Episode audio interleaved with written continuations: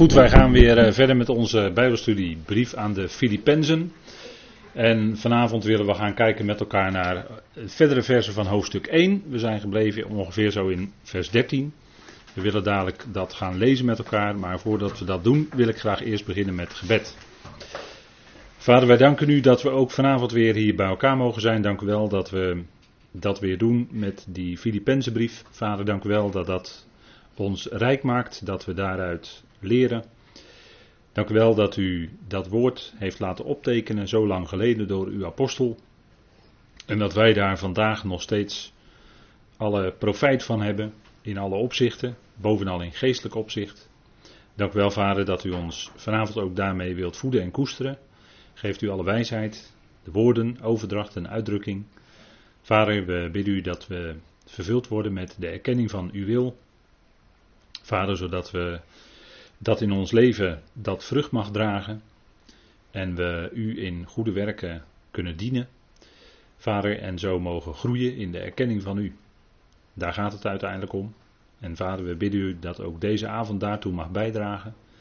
Vader, en daarbij hebben we nodig die geest van wijsheid en onthulling. Tot die rechte kennis van u. Vader, geef ons dat voortdurend, dat die geest in ons werkt. Dat we die wijsheid kunnen verstaan van u. Geeft u woorden die dat duidelijk kunnen maken. Geeft u ons een geopend hart, zodat we daardoor opgebouwd worden, Vader. En mag het boven alles uit klinken tot lof en eer en verheerlijking van uw naam. Vader, door uw geliefde zoon, die stierf, maar ook opgewekt werd op de derde dag. En zo nu levend verheerlijkt aan uw rechterhand is. Vader, we danken u dat we hem zo mogen kennen. En vader, dank u wel dat dat ook het thema mag zijn van de apostel, dat hij voortdurend erop uit was om die Heer te verkondigen aan ieder die het maar wilde horen. We danken u dat dat ook vandaag nog steeds doorklinkt. En zo ook vanavond, Vader, en dat is ons gebed. Mag het in ons leven rijk uitwerken. Tot lof en eer van u. We danken u daarvoor in die machtige naam van uw Zoon. Amen. Goed, ik wilde graag dan met u lezen uit de tekst, zoals we die hebben, van de Filipense brief. En dat doe ik dan vanaf vers 12, het eerste hoofdstuk vanaf vers 12. En dan lezen wij, nu bedoel ik broeders dat jullie weten dat mijn omstandigheden veel eer tot vooruitgang van het evangelie hebben geleid, zodat mijn boeien in Christus openbaar worden aan het gehele pretorium en aan alle overigen. En het merendeel van de broeders vertrouwen hebbend in de Heer, aangaande mijn boeien, durft des te meer onbevreesd het woord van God te spreken. Sommigen verkondigen de Christus weliswaar uit afgunst en twist, sommigen echter ook uit welbehagen. Deze kondigen de Christus inderdaad uit liefde aan, weten dat ik tot verdediging van het evangelie ben gesteld. De anderen echter uit partijschap, niet zuiver, veronderstellend verdrukking op te wekken in mijn boeien. Want wat doet het ertoe Behalve dat op iedere manier Christus wordt verkondigd, het zij als voorwendsel, het zij in waarheid. En daarin verheug ik me en zal ik me ook verheugen. Tot zover. En we hebben de vorige keer ook even dit uh, stukje gezien met elkaar, dit overzicht uit de brief. En we zien, en dat is een beetje vanuit de structuur van de brief genomen, we zien daarin dat dit stukje van 12 tot en met 18, dat we net gelezen hebben, spreekt over Paulus' boeien in Christus. En daartegenover staat dan in de structuur Paulus' kracht in Christus. We zingen daar ook van, hè? ik vermag alle dingen in Hem die mij kracht geeft.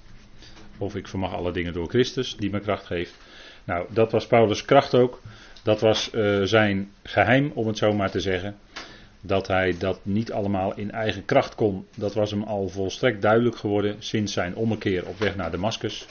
Maar dat de kracht van Christus was, hè, die dynamis, daar kennen wij het woord dynamiet van, die werkte in zijn leven krachtig door en dat is de kracht van zijn opstanding. Hè. Dat is niet Paulus' eigen kracht, dat had hij nooit gekund met al dat lijden wat hem overkwam. Met al die moeite, die verdrukkingen, die pijn en moeite en alles. Nou, je kan het. Het is een ongelooflijke lange lijst. En dat hij dan nog steeds doorgaat, dat is ongelooflijk. En dat is het ook. Maar het was volle werkelijkheid voor hem, want hij deed dat niet in eigen kracht. Maar het was in de kracht van zijn opstanding, de kracht van Christus, die in hem werkte. En daar gaat het allemaal om. En dat is ook tot eer van hem. Hè. We kunnen de dingen nooit doen in eigen kracht, want daar word je ongelooflijk moe van. En op een gegeven moment wel zo moe dat je niet meer verder kan. En zo zijn er in de loop van de tijd heel wat christenen vastgelopen. Die uh, vol enthousiasme begonnen aan hun christenleven. En aan allerlei activiteiten mee gingen doen. Maar uh, dat bleek op een gegeven moment dan toch eigenkracht te zijn. En men was volstrekt op een gegeven moment uitgeschakeld. En dat gebeurt ook als je onvoldoende fundament hebt. Dan kan het best zijn dat je misschien je hele leven zelfs uh, predikte als een evangelist. En misschien in, met een volle tent. En uh, uh, veel mensen komen tot geloof, enzovoort, enzovoort. Maar dan kan het best zijn dat je op een gegeven moment op een punt komt. Dat je zelf gaat merken welk fundament heb ik zelf eigenlijk. Dat kan gebeuren bij predikers. Dat, dat kan zomaar zo zijn. En uh, dat, dat heb je als je veel spreekt, maar je voedt jezelf niet. Dan op een gegeven moment is het een lege huls en dan is het over en uit. En dat gebeurt bij predikers. En dan krijg je ineens een verhaal in de media enzovoort. Zal ik u niet verder mee vermoeien. Maar waarom vertel ik dit? Nou, ik vertel dit omdat Paulus wel in zijn leven blijk gaf van die kracht. En hij werkte met vrucht. Maar dat wil niet zeggen dat hij overal volle zalen en volle tenten en noem alles maar op trok. En dat er veel mensen door zijn bediening tot geloof kwamen. Dat, er zijn wel heel wat mensen tot geloof gekomen. Maar nu zat hij in gevangenschap. Dat is, wel, dat is een heel ander verhaal, hè? Dat is een heel ander verhaal. Hierin is hij zwak. En hoe kan het dan dat zo'n apostel roemt in zijn zwakheden notabene? Let op, hè? 2 Korinthe 12, u weet het wel, dat dat er staat. Maar hij roemt in zijn zwakheden. Meervoud, hè? Zwakheden. Dus al dat lijden wat hem overkwam, schipbreuk, nacht en een dag doorbrengen in een moeras en noem alles maar op. Hè. In gevaar in allerlei situaties, in gevaar onder valse broeders en noem alles maar op. Hè. Paulus zwakheden. En dan zegt hij, ik roem daarin. En dan heeft hij het tegelijkertijd in één adem, in 2 Korinthe 12, u kent dat stukje wel, dat is een heel bekend stukje. Maar dan heeft hij tegelijkertijd over de kracht van Christus. Dat die als een tent over hem zou wonen. Hè. Dat beeld gebruikt hij dan. Paulus was zelf ook een handvaardig iemand. Samen met Prisca en Aquila maakte hij tenten. Hij maakte geen gebedsjaals van de Joden, maar hij maakte tenten. Dat staat er namelijk. Hij, maakte, dat was, hij was van handwerk, dan wordt dat woord gebruikt. En dan wordt het woord tenten gebruikt. Handelingen 17 staat dat. Daar kun je dus niet iets anders van maken, maar dat was zijn handwerk. En dat deed hij om in zijn eigen levensonderhoud te kunnen voorzien, want hij wilde zeker die Corinthiërs niet belasten. Op geen enkele manier. Hij wilde geen financiële ondersteuning van ze hebben, op, geen materiële ondersteuning. Maar hij wilde helemaal vrij om niet dat evangelie kunnen brengen. En daarom voorzag hij zelf in zijn eigen levensonderhoud, zodat hij niemand tot last was. Dat de Filippenzen hem af en toe wat toestopten, dat is wat anders. Maar dat was spontaan, dat was niet gedwongen. En de Heer voorzag, of het nu in rijkdom was of in armoede, het maakte eigenlijk voor Paulus niet uit. Daarin was hij niet onverschillig, maar hij vertrouwde op zijn Heer. Kijk, en wat gebeurde er? Hij was in boeien. En die boeien, dat uh, neemt men over het algemeen aan dat dat zijn gevangenschap in Rome betrof. En men gaat er ook vanuit dat hij meerdere gevangenschappen heeft gekend. Hè. Hij was ook gevangen uh, in Caesarea en op andere plaatsen. Maar uh, hier zegt hij dus, zodat mijn boeien in Christus. Dat is wel een bijzondere opmerking. Hij zag zijn boeien niet als puur een gevangenschap. Want je zou zelfs nog kunnen betogen dat het in Paulus' leven eigenlijk vrijwillig was. Hij beriep zich op de keizer. Op een moment dat hij misschien wel vrijgelaten had kunnen worden. Maar hij beriep zich op de keizer in Rome. En daarom, omdat hij Romeins staatsburger was en hij had bepaalde rechten. Hij maakte gebruik van het rechtssysteem. Hij beriep zich op de keizer op een gegeven moment. En zo kon hij naar Rome toe gaan. En dat was hem ook door de Heer duidelijk gemaakt dat hij op een gegeven moment ook in Rome terecht zou komen. Nou, dat was een hele bijzondere weg die hij ging. Hij beriep zich op de keizer en daarom werd hij gevangen gezet of in gevangenschap gehouden. Het is hoe je het noemen wilt. En uiteindelijk was hij dat dan ook in Rome. En we weten dat het was in een eigen gehuurde woning, weet u wel, twee jaar lang. En daar kon hij dan ongehinderd spreken. Kijk, hij was weliswaar in boeien. En wij zouden dan zeggen: hé, hey, nou zit hij gevangen. Nou is hij enorm beperkt. Hij heeft, hij heeft, geen echte vrijheid om overal rond te reizen wat hij deed. Dus hij kon niet nieuwe gemeenten stichten enzovoort. Zo zouden wij denken. In aantallen. Wij denken dan meestal toch een beetje in de lijn van de wereld. Hè. Dat, eh, dat doen kerken en gemeentes doen dat ook. Hè. Die maken allemaal jaarplannen en meerjarenplannen. Dan moeten ze over zoveel jaar moeten ze meer leden hebben. Enzovoort, enzovoort. Hè. Dan moeten ze 5% groeien, net alsof het een bedrijf is. Dat soort dingen. Hè. Dat gaat allemaal ook om in kerk en evangelisch Nederland. Hè, dat soort modellen. Maar dat is gewoon de wereld eigenlijk. Ja, ik zeg het even kort door de bocht. Maar dat is gewoon de wereld. Dat zijn wereldse methodes. En zo wordt er ook uh, vaak gemanaged hè, in gemeentes. Dat wordt uh, aan de hand van wereldse managementmethodes gedaan. Maar goed, uh, ik ga daar niet verder op in. Maar je zou kunnen denken, nu is Paulus hier in gevangenschap. Hij is geboeid. In de zin van, hij, hij zit vast. Hij, hij heeft geen, niet veel bewegingsvrijheid. Hij had wel een bepaalde mate van vrijheid. En dat kon misschien wel eens meer meevallen dan u denkt. Maar nu kon hij niet rondreizen. Hij kon geen gemeentes stichten enzovoort. En Paulus die zegt juist daarvan in de dertiende vers, zodat mijn boeien in Christus, want hij zag zijn gevangenschap niet los van de Heer, nee, er waren boeien in Christus. Hij was allereerst een gevangene in de Heer, Efeze 4 vers 1. Dan zegt hij, ik de gebondene in de Heer. En dan gebruikt hij ook dat woord van banden. Hè? Ik de gebondene in de Heer. En ik zou ook kunnen zeggen, Efeze 3 vers 1, ik ben een gebondene van Christus Jezus. Nou, dus hij was helemaal niet, ja, hij had wel een vrijheid, maar hij was gebonden aan de Heer. En hier zat hij dan in gevangenschap, maar hij noemt dat mijn boeien in Christus. Hij zag dat niet los van de Heer. Hij zag dat niet los van degene die hij heeft mogen leren kennen als de verheerlijkte Heer aan de rechterhand van de Vader. Want dat betekent Christus natuurlijk. Hè? Het zijn geen boeien in Jezus, maar het zijn boeien in Christus. Hè? Dat verschil moet u altijd meenemen. Als ze spreekt over Christus, dan gaat het over de gezalfde. Hij die is opgewekt uit de dood. En hij die verheerlijkt is aan de rechterhand van de Vader. Dat is Christus. Daarom spreekt hij ook, gebruikt hij ook die titel. Hè? Nou, die boeien in Christus die zijn openbaar geworden. Het is duidelijk geworden aan het gehele pretorium. En ik heb hier een overzicht op deze dia voor u gezet, op deze dia gezet voor u. Waarin zo'n Romeins geheel, uh, wat zo'n opstelling was. Hè, dat had te maken met natuurlijk de Romeinse overheid, maar tegelijkertijd ook de militaire zaak. En daarbinnen had je dan het pretorium. Nou, dat was uh, of de keizerlijke wacht zelfs kon dat zijn. Maar dat kan ook de wacht zijn van de Romeinse gouverneur. Hè? Dat staat, heb ik er ook even bij gezet. Pretorium, dat is de zetel van de Romeinse gouverneur. En de Romeinse gouverneur is de baas van een bepaalde provincie. Ja, het een aantal provincies in die tijd. De provincie Azië had je, dat was zeg maar tegenwoordige Aziatisch Turkije. Je had de provincie Judea en zo waren er nog meer provincies. Nou, iedere provincie had een gouverneur. Die stond daar, die was daar dan de baas en die was verantwoording verschuldigd aan de uh, keizer in Rome. En de keizer zelf had ook zo'n pretorium. En daar was Paulus dan in Rome bij de keizer, hè, bij de Caesar.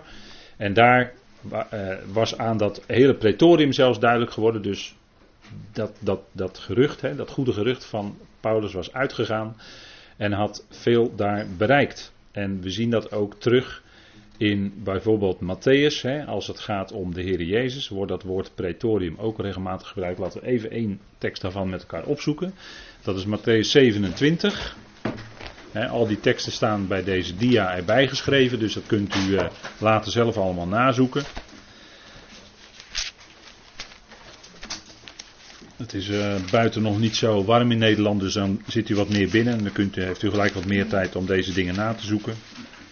In de zomer is het warm, dan gaat iedereen naar buiten natuurlijk, dan heb je wat minder tijd. Maar u kunt dat doen, hè. En even kijken, Matthäus 27, toen namen de soldaten, vers 27, Matthäus 27, vers 27. Toen namen de soldaten van de stadhouder Jezus met zich mee in het gerechtsgebouw, daar heb je hem, dat is het pretorium.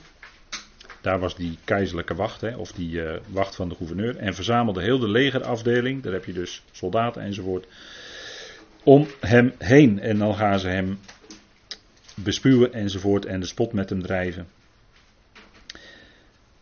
En daardoor zien wij dat ook hier sprake was van een pretorium. Hè. Dat was dus ook in Jeruzalem. Hè, dat had, uh, toen had je daar de burcht Antonia enzovoort, dat weet u wel, hè, dat had er ook mee te maken. En het pretorium, en dat had je dus ook in Rome, vandaar die uitdrukking. Hier wordt gebruikt bij de Heer en we zien dat in Handelingen 23, laten we die ook nog even met elkaar opzoeken. Handelingen 23 vers 35 bij Paulus zelf. Handelingen 23, vers 35.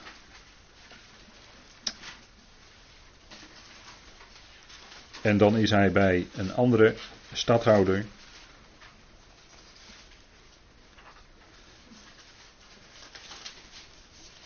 Dan is hij inmiddels in Caesarea.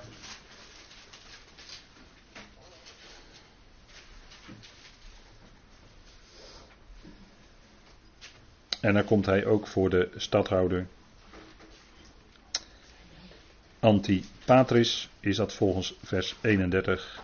Of dat is, wacht even, ze brachten hem naar Antipatris. En verder gingen ze naar de kazerne terug. En in Caesarea bij de stadhouder. Antipatris was de plaats en de stadhouder die gaat hem dan verhoren. En het gerechtsgebouw ziet u daar dat is het gerechtsgebouw van Herodes. Daar werd hij in bewaring gesteld. Dus het pretorium van Herodes. En dan ziet u dat, dat daar dus ook sprake is van zo'n pretorium. En dan ook in Rome, want daar heeft hij het over hier in Filippenzen 1 vers 13, is ook sprake van een pretorium. En daar, dat was, daar was Paulus dus bekend geworden. Dus hier heeft u dan een idee hoe dat er in die tijd uitzag. hè? Nou, we zien dat Paulus die was in boeien. Hè? Paulus was in gevangenschap.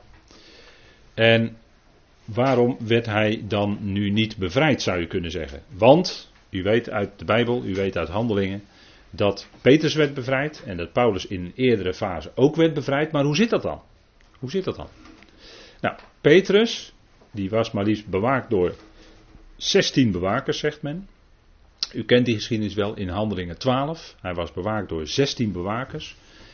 En geketend met twee ketens aan twee soldaten. Dus je zou zeggen, hij kon niet wegkomen. En toch, heel wonderlijk, kwam daar die boodschapper, die hemelse boodschapper. En die bevrijdde hem uit die gevangenschap. En waarom gebeurde dat? Omdat Petrus de voornaamste apostel was van het evangelie van de besnijdenis. En dan gaat het om het koninkrijk, het aardse koninkrijk, waar Israël aan de spits zal staan van de volkeren. En waar het dus niet zo kan zijn dat de belangrijkste apostel van de besnijdenis gevangen zit.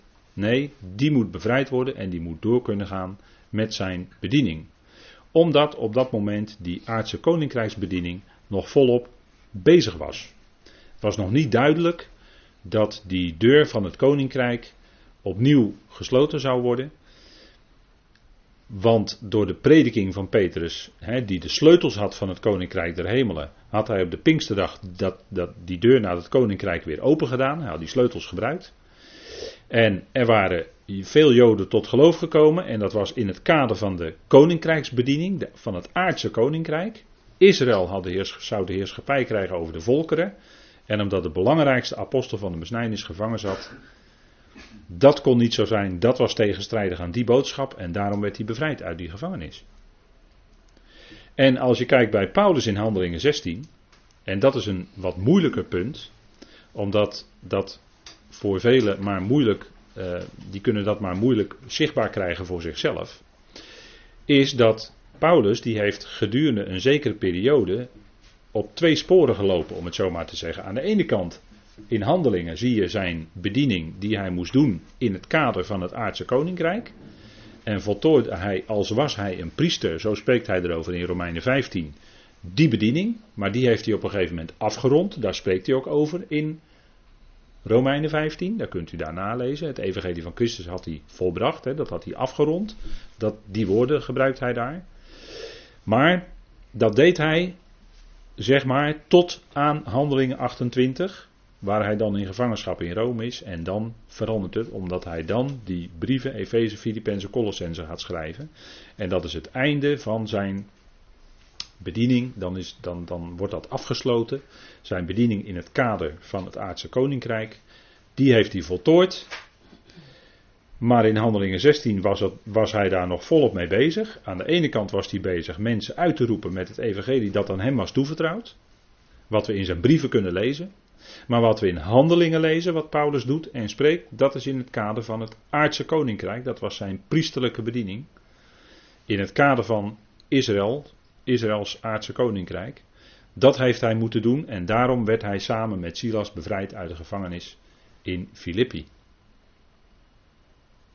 Toen zat hij nog met zijn voet in het blok, maar op dat moment was het de tijd nog niet dat de verandering naar de tegenwoordige periode van genade, wat hij noemt in de Efezebrief het beheer van het geheimenis, die tijd was nog niet aangebroken, die brak pas definitief aan in handeling 28.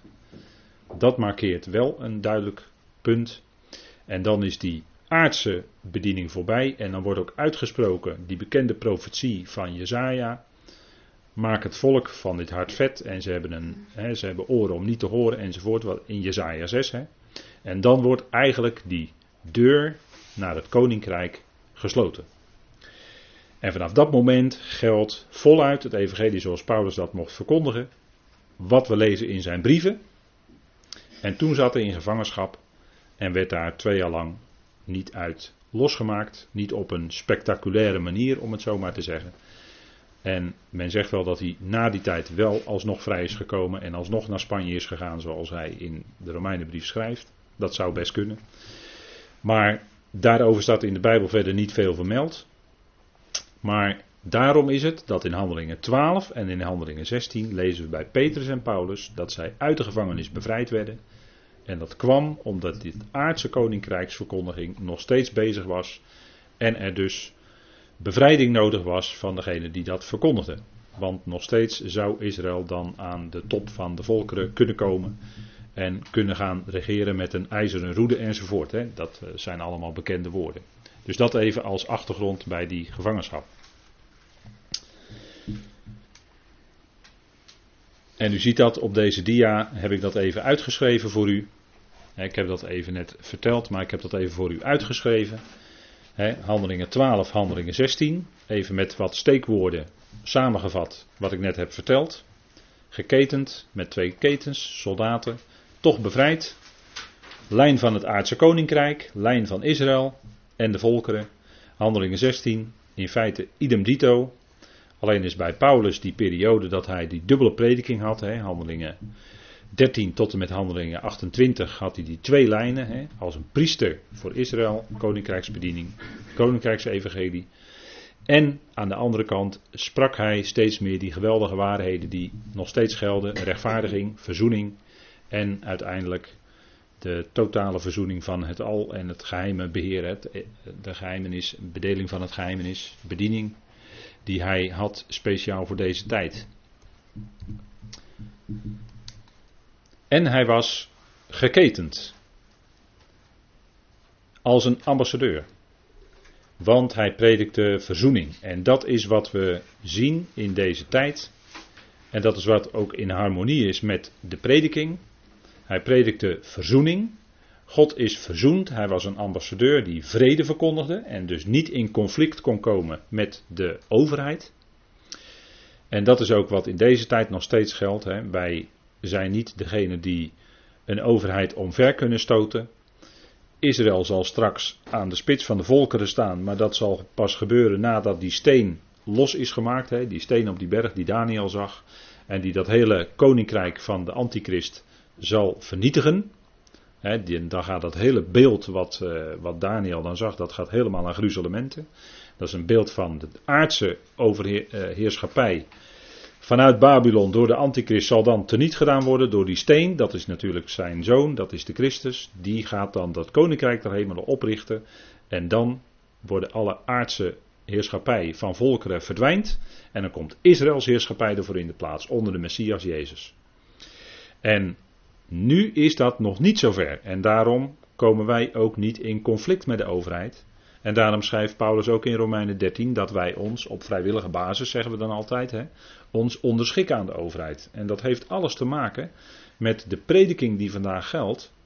Dat is vrede, verzoening. En omdat Paulus degene was die dat evangelie bracht, had er dus geen consequenties dat de overheid die ambassadeur, de ambassadeur van de verzoening, gevangen zette. Je zou, dat zou je kunnen opvatten als een provocatie richting God. Maar God reageert niet. Waarom niet? Omdat het vrede is.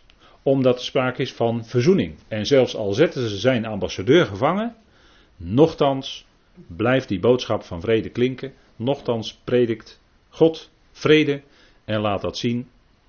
Paulus blijft gewoon in gevangenschap. Hij wordt daar niet uit bevrijd. Nou, dat lezen wij in Efeze.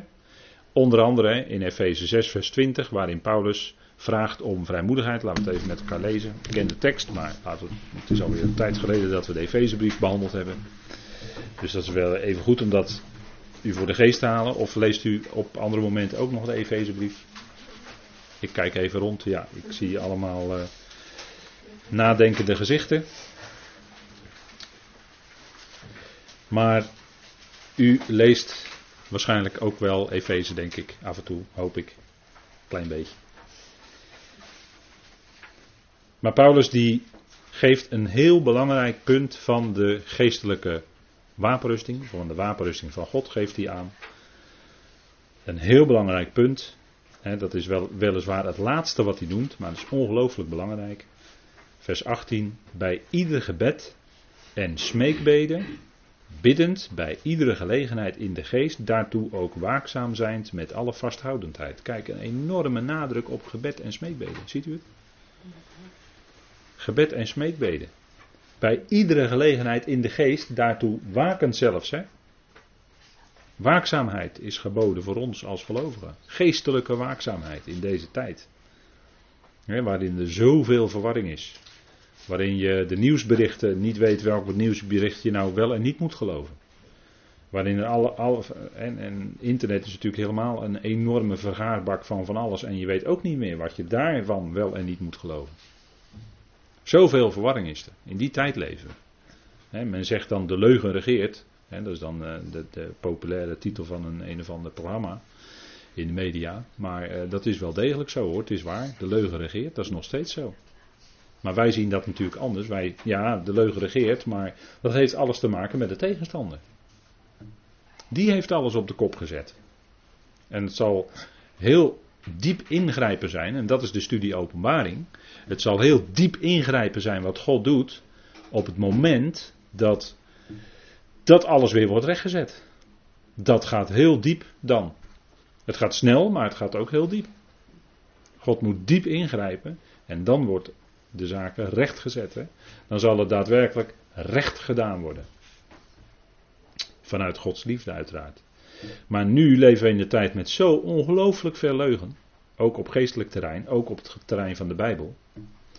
Hè, waarin mensen zoveel, waarin er zoveel gedachten zijn, zoveel theorieën en zoveel aannames die gedaan worden. En er worden er weer dingen voortgebouwd op, op, op een aanname. En, en voordat mensen weten wat er gebeurt, zijn ze, zijn ze eh, een, een, stuk van huis, zeg maar. Hè? U begrijpt wat ik bedoel. En daarom is het goed om vasthoudend te zijn in je smeekbeden. En dat ook te doen voor alle heiligen.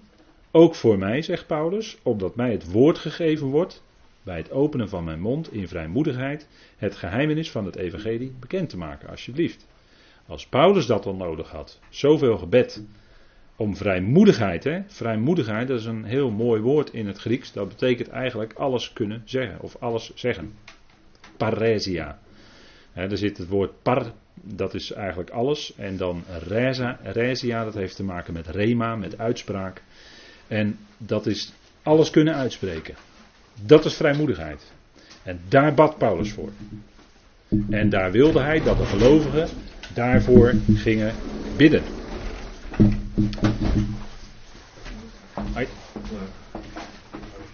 Opdat hij vrijmoedigheid zou mogen hebben om het geheimenis van het evangelie. Het evangelie is op zich niet een geheimenis, want zo wordt het vaak uitgelegd. Maar hier gaat het om het geheimenis van het evangelie. Dat is de verzoening. Jezus Christus en die gekruisigd, begraven en opgewekt. Dat is het evangelie, 1 Korinthe 15. Zeker, dat is zeer goed nieuws. Alleen het geheimenis van het evangelie is dat God daardoor verzoend is. Dat God de wereld met zichzelf verzoenend was in Christus. Dat is gebeurd.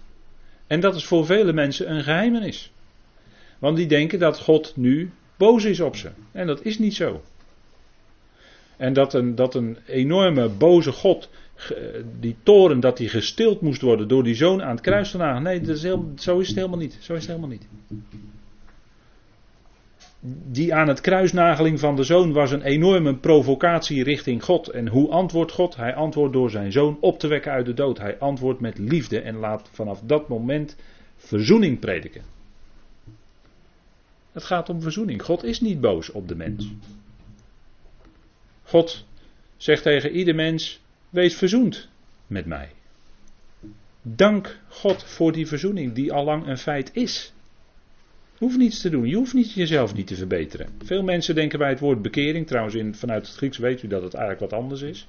Dat is nagaan denken. En, en je denken wordt dan veranderd.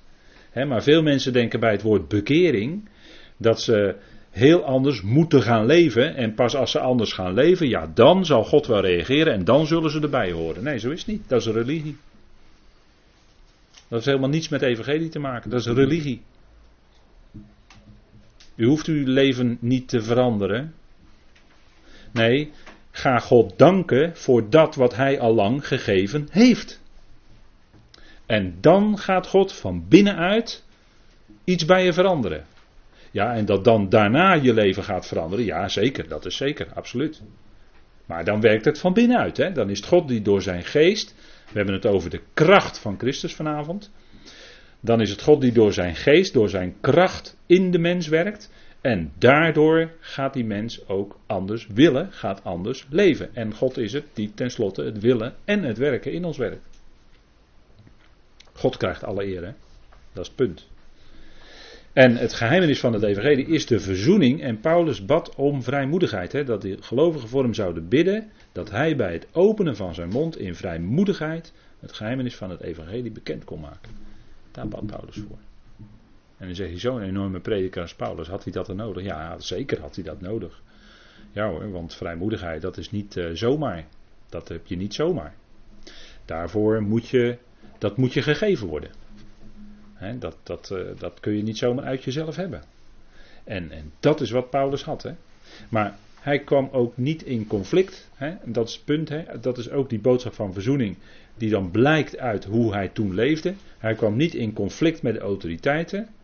Hij maakte wel gebruik van zijn Romeinse staatsburgerschap. Hij beriep zich op de keizer. Maar dat was rechtens. Dat, dat zat in dat Romeinse rechtssysteem. Dat dat zo kon.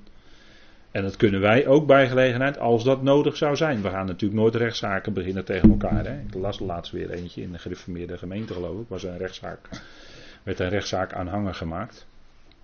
die gingen dus naar de wereldlijke rechter om te eisen dat de kerkenraad en de dominee dat die bepaalde stukken zouden gaan. Maar dat doen we niet. Hè. Dat, is, dat is niet uh, vanuit, uh, vanuit de verzoening, zegt Paulus ook tegen de Corinthiërs.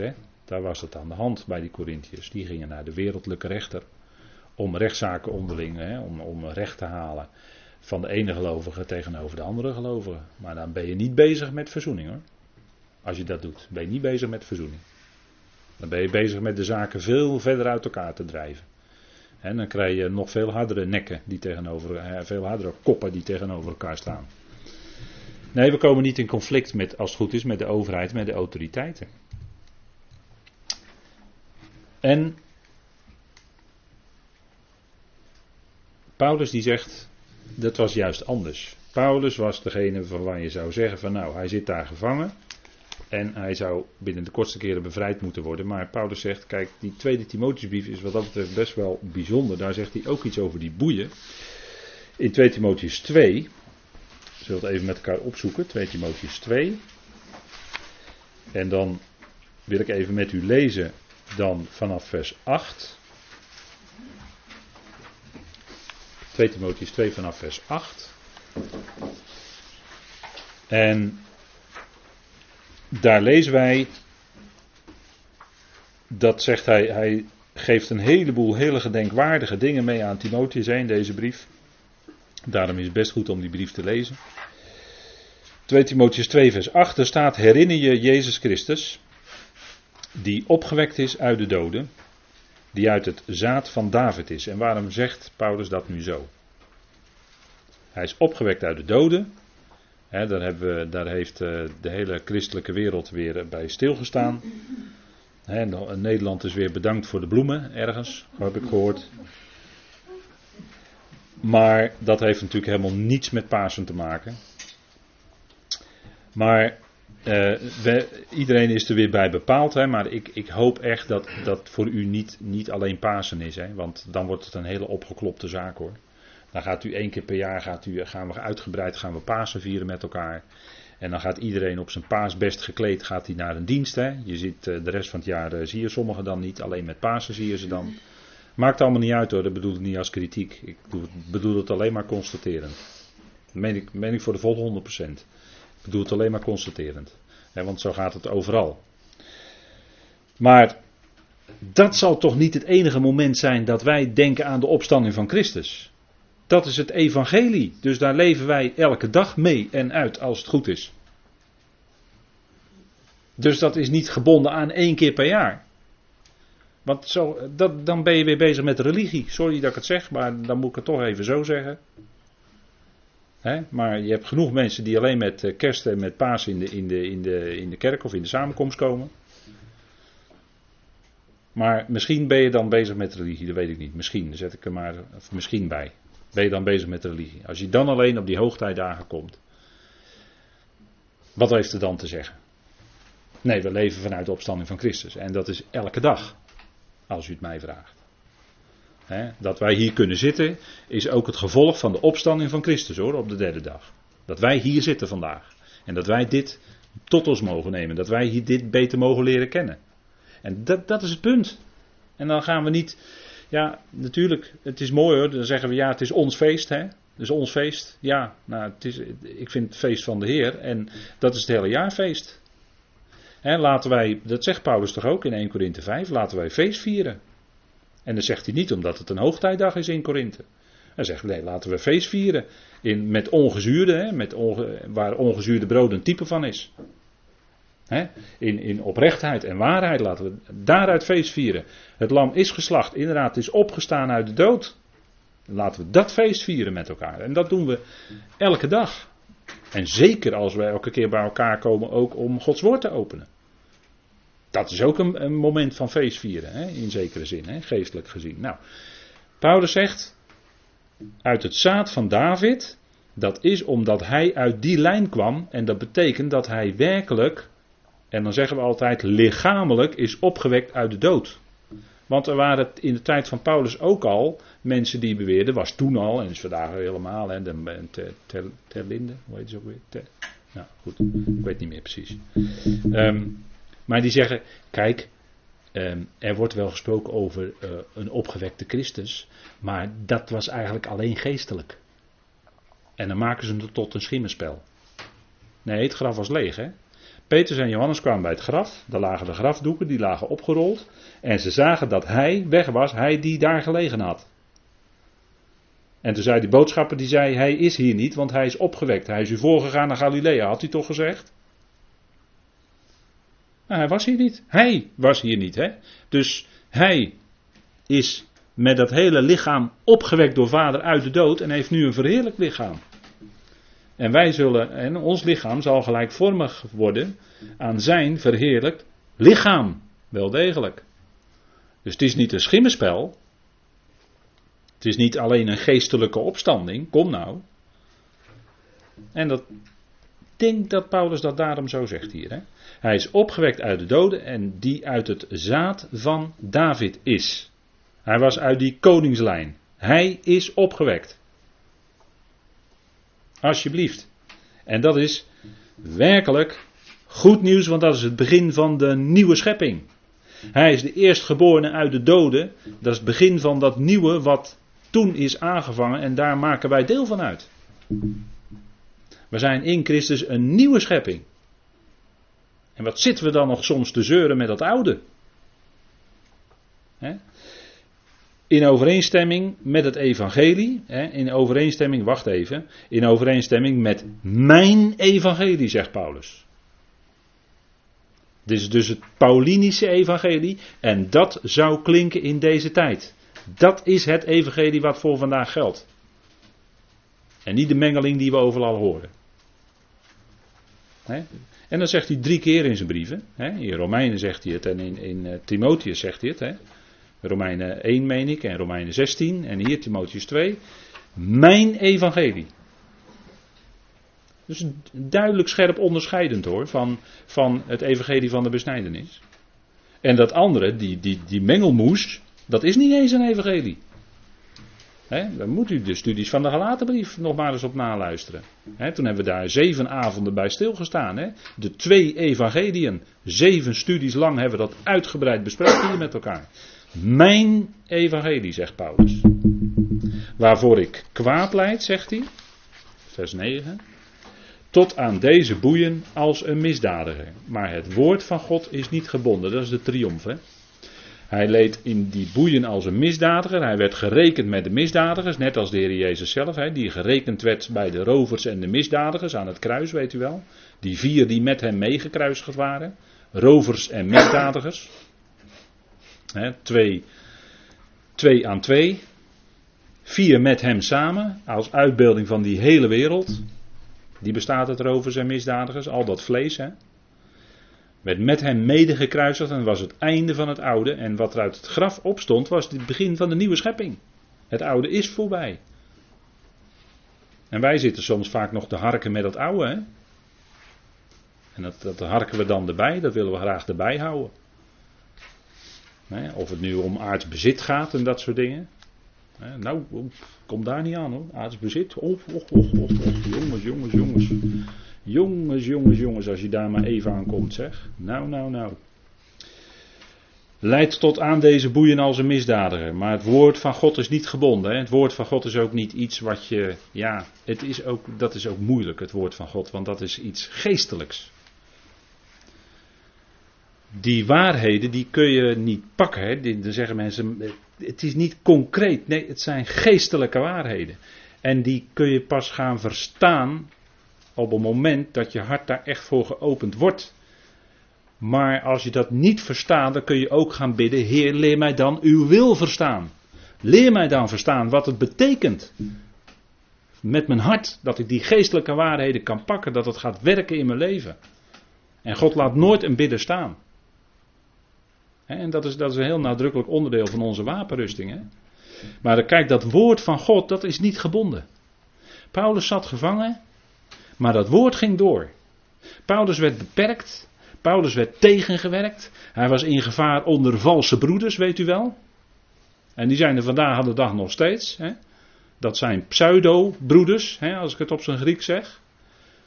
Dat lijken net echte broeders, maar het is niet echt, blijkt op een gegeven moment. Kan ook maar dat woord van God is niet gebonden. Dat gaat door. En die toets is toch altijd dat woord van God zelf hoor. En dan kan het best zijn dat, dat, uh, dat gelovigen, en dat, dat maak je dan mee, hè, dat gelovigen tot op een bepaald punt mee willen. Hè, maar als je verder in dat woord gaat, dan zeggen ze ja, tot hier toe, maar hier, hier, nu wil ik niet verder mee. Hier wil ik niet mee. Nee, dat kan, kan gebeuren. Nou, dan haken ze af. En het gaat helemaal ons niet aan om te zeggen wie wel of geen broeder of zuster is. Dat is helemaal niet aan ons, absoluut niet. Maar je, je merkt het wel dat het gebeurt. Ja, maar dit gaat zo ver of dit gaat zo diep. Nee, dit, hier ga ik niet in mee. Hier kan ik niet in mee. Dit gaat te ver. Nee, maar dat, dat is het woord. Hè? Maar dat is, kijk, dat is ook de functie van het woord van God. Hè? Dat is ook deze eh, brief, dat is de Hebreeënbrief ook. Hè? Dat het woord van God, dat is een tweesnijdend scherp zwaard. Dat snijdt aan twee kanten. Dat snijdt ziel en geest van elkaar. En het kan best zijn dat je afhaakt omdat je merkt dat dat gebeurt. Hè? Dat het zo diep in je komt dat het inderdaad zichtbaar bij jou maakt wat bij jou ziels is en wat, geestelijk, en wat van de geest van God is. En dat, dat, dat wat, dan kunnen de dingen zitten in je leven die dat in de weg zitten, de doorwerking van het woord, dat kan. Dat is die ziel. Maar het woord van God snijdt daarin, hè, want dat is scherper dan een tweesnijdend zwaard zelfs, zegt Paulus. En het maakt inderdaad onderscheid tussen ziel en geest. En daarom, daarom haken mensen ook af als, als ze het woord horen. Omdat het woord dan werkt, omdat het woord dan doorwerkt. Hè? En dat is, dat, is, dat is de werking van het woord. En dat gaat soms heel diep. En dat, eh, maar dat snijdt weg ook uit je leven wat, wat, wat de doorwerking van Gods geest in de weg staat. En dat dat pijnlijk kan zijn, ja, dat ben ik met u eens. Dat kan pijnlijk zijn, ja. Dat het dingen wegsnijdt uit je leven, ja. Maar later ben je er blij mee. Dat je het kwijt bent. dat, zo werkt dat woord van God door. Hè. Kijk, dat woord van God, dat is niet gebonden. God zal altijd zorgen dat het woord doorgaat. Hoe dan ook. En er is altijd is de tegenwerking tegen het woord. u heeft mij vaak horen zeggen, Rondom het woord is er altijd strijd. Nou, dat is ook zo. En dat komt omdat het die waarheid van God ook de leugen aan het licht brengt. En brengt ook de verborgen motieven van mensen aan het licht. Op een gegeven moment. En dat, dat blijkt hier ook uit dit stukje. Daar zijn we volop mee bezig hoor, met dit stukje. Kijk, wat Paulus zegt, kijk, hij zegt het met blijdschap. Want hij zegt, kijk, dat woord van God is niet gebonden. Want wat gebeurde er? Hij was in boeien. En naar de mens gesproken zou je kunnen zeggen: Nou, moet je eens kijken, zeg. Paulus zit hier gevangen, zo'n geweldige apostel, zo'n geweldige bediening. Altijd maar doorgegaan altijd maar doorgaan, altijd maar doorgaan. En nu zit, zit hij in gevangenschap, wat een beperking. En wij zouden naar de mens zeggen: Nou, nou is het over en uit, hè, dit verhaal. Dat is over en uit. Maar wat gebeurde er? Het merendeel van de broeders, en dat is wat God natuurlijk daarmee uitwerkt en God werkt door en het woord van God is inderdaad niet gebonden. Kijk, God zorgde ervoor dat het merendeel van de broeders vertrouwen hebbend in de Heer aangaande mijn boeien. Dus het merendeel van de broeders, die vatten nog meer vertrouwen, die putten als het ware nog meer vertrouwen in de Heer daaruit. Uit dat ze hoorden en zagen dat Paulus in gevangenschap was. Maar er waren gelukkig nog heel wat broeders die met Paulus meegingen en dat evangelie wilden verbreiden. En ze hadden vertrouwen gekregen. Hè? Ze hadden vertrouwen in de Heer aangaande zijn boeien. En dat is het geheim. Hè? Op u stel ik mijn vertrouwen. Romeinen 10. Laten we het even met elkaar opzoeken. Het is toch een fijne tekst die daar op dat plaatje staat, op deze dia. Op u stel ik mijn vertrouwen. Want kijk, dat is geloof. En geloof is dat je dat woord van God kan horen. En dat je daar ook met je hart ja tegen zegt. Voluit ja en amen. En amen is natuurlijk het Hebreeuwse woord voor ja, dat vertrouw ik. dat beaam ik, dat vertrouw ik. Abraham geloofde God. Dan staat er in het Hebreeuws amen. Abraham, amen, God. Zoiets hè. Hij vertrouwde God. Op die uitspraak. En zo kunnen wij God ook vertrouwen. Op zijn uitspraken. Er staat in Romeinen 10, vers 9. En dit wordt natuurlijk in de context gezegd van Israël en de volkeren. Hier gaat het over hele volkeren. Dus even attentie ervoor. Als u met uw mond de Heer Jezus beleidt en met uw hart gelooft dat God hem uit de doden opgewekt heeft, zult u gered worden. Waar het hier om gaat is met het hart geloven hierin moet u geen voorwaarden lezen voor uzelf. Maar het gaat wel om geloof met het hart. Want geloven doe je met je hart. Geloof is iets wat het hart ook reinigt, hè, zegt uh, Handeling op een gegeven moment. Hè. Door het geloof wordt het hart gereinigd. Er komt licht. Er komt helderheid. Er komt vertrouwen. Hè, waar je misschien vroeger heel veel wantrouwen had, komt er nu, is er nu vertrouwen voor in de plaats gekomen. Vertrouwen op wie? Op die grote God, die je inderdaad niet kunt zien, maar wonderlijk genoeg wel vertrouwt. En waar je morgenochtend weer mee op weg gaat, de dag in. De dag met hem misschien doorneemt, bespreekt. En je gaat met God in het volle vertrouwen die dag in, dat Hij ook die dag zal uitwerken wat Hij bedoelt. En daarin heb je dan volle rust. Hè? Vertrouwen, dat is hetzelfde woord als geloof in het Grieks. En dat is in het Hebreeuws ook zo. Vertrouwen is hetzelfde als geloven. Geloven is vertrouwen, vertrouwen is geloven. Toen de discipelen in het bootje zaten, toen raakten ze bevreesd toen de storm opstak en de Heer lag achter in het bootje te slapen. Hoe kan dat nou? En dan zegt hij tegen ze, want ze waren bevreesd, ze waren beangst in die storm. Ze maakten de Heer wakker en dan zegt hij tegen ze, jullie kleingelovigen. Jullie kleingelovigen. En met één woord en de wind ging liggen. Hij sprak één woord en het werd stil. En dat kan ook regelmatig zo zijn in je hart. Hè? Als het zo stormt in je hart, dan is dat die inwerking van het woord is zo helend en zo genezend. En dan kan het best zijn dat, dat de Heer één woord spreekt en de storm in je hart gaat liggen. Heer, ik zag allemaal leeuwen en beren. Maar nu kijk ik omhoog naar u. En nu is er ineens weer van binnen die rust en die vrede. Want ik werd onrustig van al die dingen die op me afkwamen. Ik zag tegen de, tegen de dagen op. Ik zag tegen alles op. Misschien wel. En dan komt het woord weer in je. Dan ga je luisteren. Dan komt het woord weer in je. En het wekt vertrouwen. En je, en je bespreekt het met vader. En dan is er weer die rust en die vrede terug. Op u stel ik mijn vertrouwen. Je zult op een gegeven moment ontdekken dat je niet altijd mensen kan vertrouwen. Maar God is altijd de betrouwbare. Hij is er altijd. Hij draagt in moeilijke omstandigheden. Ook al ervaar je misschien op dat moment misschien dat je denkt dat het niet zo is, maar als je achteraf terugkijkt, dan ontdek je dat het wel zo was, eigenlijk. Als je eerlijk bent. Op u stel ik mijn vertrouwen. geloof wil zeggen vertrouwen. Die betrouwbare uitspraken van God, die zijn voor 100% betrouwbaar. Hij is de betrouwbare God op wie je je hele leven kan bouwen. En dan zak je niet weg in het drijfzand van eigen denken waar zoveel mensen in wegzakken, helaas, helaas. Maar dat, maar dat woord is zo betrouwbaar, dat is die rots onder je voeten.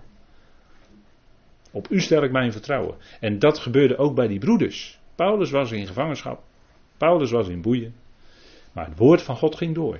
En dat is altijd zo. Daar waar het woord van God aan de ene kant wordt tegengewerkt, dan zie je heel vaak dat God ergens anders iets opent, waardoor het woord toch door kan gaan. En dat is het wonderlijke hoe God werkt. En, en, dat is altijd zo in de geschiedenis geweest. En dat is wat Paulus ook wist. En daarom spreekt hij dit ook zo uit. Hè? En wat was er met die broeders dan? Ze hadden vertrouwen in de Heer. Hè? En in de Heer, dat weet u, dan gaat het echt om activiteit, om wandel in de Heer, in die Curios. En ze durfden des te meer onbevreesd het woord van God te spreken. Ze kregen nog meer durf. En dat hadden ze ook niet van zichzelf. Nee, want er wordt direct hier gesproken, werd er net over dat zij vertrouwen hadden in de Heer. Daar kwam het vandaan. En daarom hadden ze die durf. Die hadden ze niet omdat ze zelf nou zo grote stoere jongens waren. Misschien stonden ze wel naar de mens met knikkende knieën. Maar ze durfden toch dat woord van God te spreken. Onbevreesd. En, en dat is ook heel wat. Dat is heel wat. Want onbevreesd, dat, dat, dat is die bevrijdende werking van de geest van God. Dat als je dat woord gaat spreken, dat die geest dan als het ware werkt. En dat hij dan de vrijmoedigheid geeft om die woorden ook uit te kunnen spreken. En dat onbevreesd. En dan niet te kijken naar mensen, want je kunt makkelijk vrees hebben voor mensen. Dat had Paulus ook makkelijk kunnen hebben. En mensen, daarachter zitten die geestelijke machten, hè? dat weten we.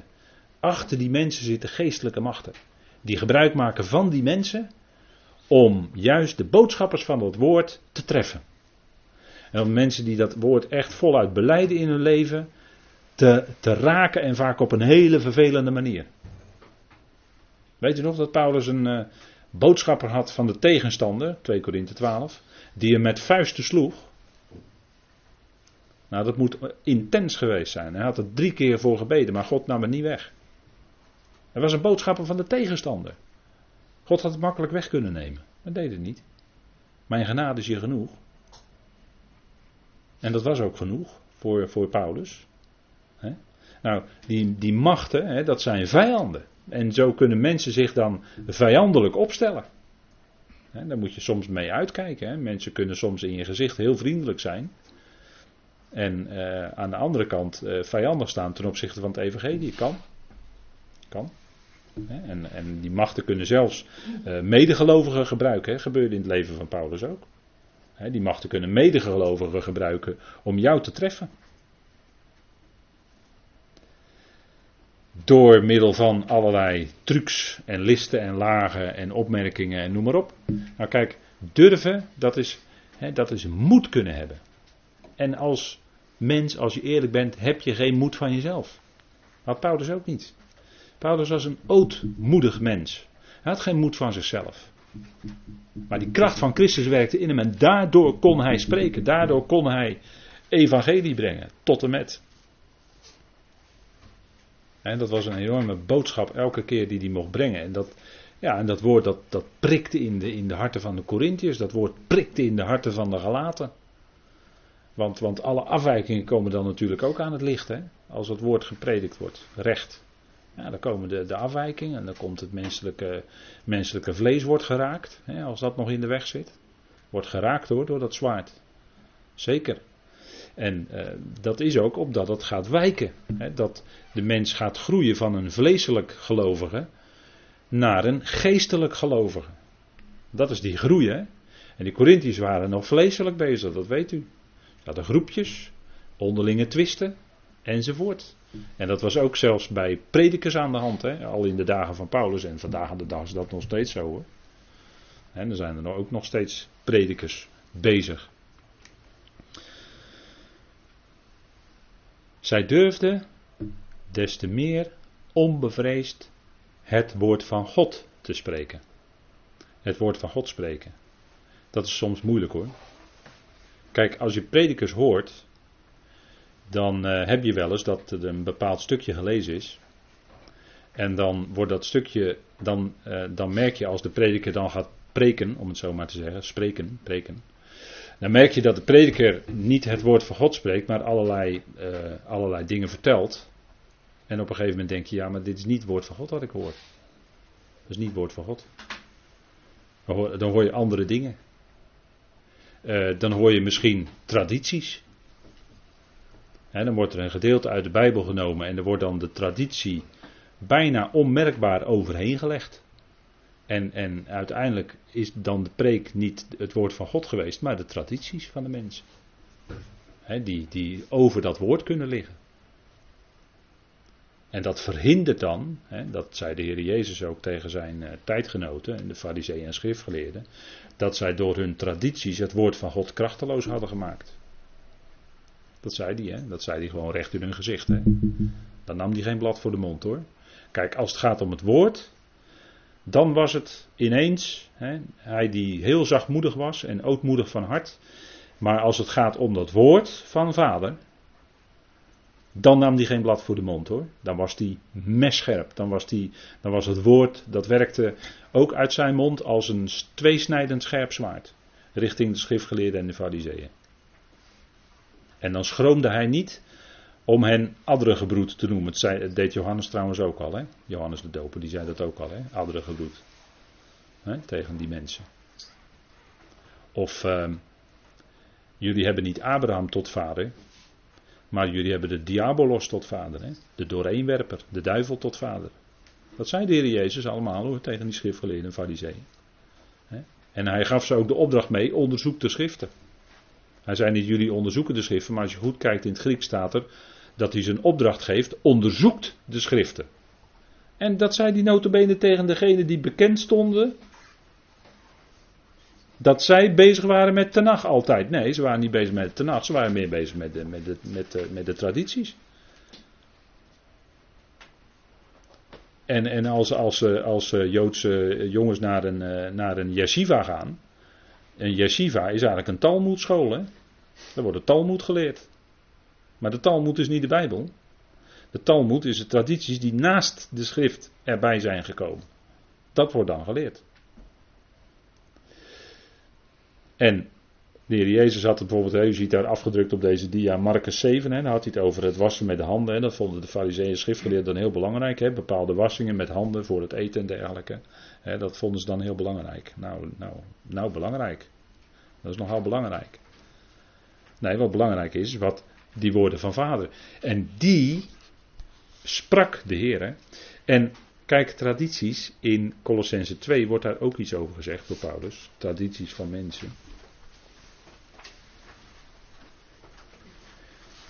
Colossense 2.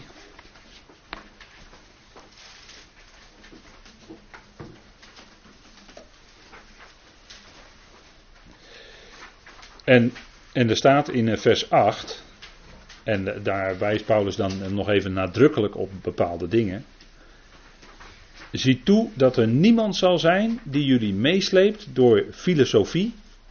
mensen, mensen, en het is altijd heel vreemd vind ik dat theologen ook nog alles een studie filosofie blijken te hebben gedaan. Dat, dan wordt er van iemand gezegd, ja hij heeft een studie filosofie en een studie theologie gedaan.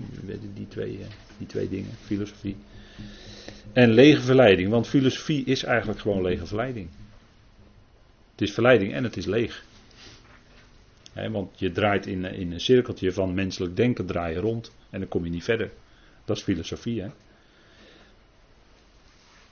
Kijk, dan zegt men bijvoorbeeld in filosofie, zegt men bijvoorbeeld dat eh, er ooit iets is gebeurd en daarna is een heel lang evolutionair proces op gang gekomen maar wat, waar het vandaan komt is dan niet helemaal duidelijk.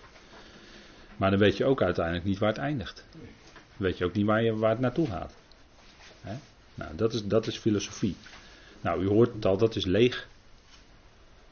vroeger gebruikten we een wat ouderwets woord, ijdel. maar ijdel is gewoon leeg. Je komt er geen stap verder mee. Waar je wel verder mee komt is Christus. Want Christus is het einde van alle filosofie en alle religie. Dan is het uh, filosofie gaat dan de open haard in en de religie gaat in de kliko. En wat je dan in huis, hoop ik, in uw levenshuis overhoudt, en dat is alles, dat is Christus. Daar heb je alles. Hij is het antwoord op alle filosofie en hij is het antwoord op alle religie, want daar waar de religie jou nooit kan brengen, namelijk bij God, dat heeft hij al gedaan. En God heeft in het begin alles in de zoon van zijn liefde geschapen. Dan weet je dus waar het vandaan komt. En uiteindelijk is ook alles door Christus, want hij zal het koningschap uiteindelijk aan God de Vader overdragen. En dan zal God zijn, alles in alles. En daar gaan we dus naartoe. Nou, dan weet je dus het beginpunt en het eindpunt. Aan het begin staat Christus en aan het eind staat Hij ook. Daar gaan we dus met z'n allen naartoe. Dan heb je geen enkele filosofie meer nodig. Oosters of Westers maakt niet uit. En dan heb je het echt warm, want op een gegeven moment gaat die open haard ook uit. Dan heb je het echt warm en dan blijf je ook warm door de liefde van Christus. Want die drong Paulus om te prediken. De liefde van Christus. Kijk, dat verwarmt je hart. Dat maakt van binnen warm, want het is zijn liefde. En dat is die vlam die dan in je ontbrand is en dat gaat nooit meer over. Gaat nooit meer uit. dat is tradities? Nee. Gods woord. Eigen denken? Nee, dat is filosofie de natieën die wandelen in de ijdelheid van hun denken. Ik heb het hierop staan, Efeze 4, vers 17. Hè. Zij wandelen in de ijdelheid, de leegheid van hun denken. Ja, moet je, die filosoof lezen. Nou, dat is niks. Is niks. Want als het niet leidt naar Christus, als het niet gaat over Christus, dan is het geen, geen ware filosofie. Hè. Nee, hij is het antwoord. Hè. Colossense 2, vers 18 zegt dat ook. Daar waarschuwt Paulus, Colossense 2 vers 18. Laat niemand als scheidsrechter tegen jullie optreden. in nederigheid en met het ritueel van de boodschappers, met wat hij heeft gezien voor de schijn. En er zijn predikers die willen voor de schijn paraderen, hè, daar willen ze mee pronken. Opgeblazen door zijn vleeselijke denkzin en zich niet houdend aan het hoofd. Kijk, het gaat om het hoofd, het gaat om Christus. En je hebt predikers die heel mooi kunnen prediken, maar die dan uiteindelijk of bij zichzelf of met allemaal, bij allemaal anderen uitkomen. misschien bij allemaal succesverhalen van anderen, die komen dan ook op het podium enzovoort. Maar dat is allemaal uiteindelijk leeg. Het gaat om dat je je houdt aan het hoofd. En het hoofd is Christus. En we zouden ons houden aan het hoofd. we zouden uit Hem leven. En door Hem leven, door Zijn kracht. Ja? Goed, we gaan even met elkaar pauzeren.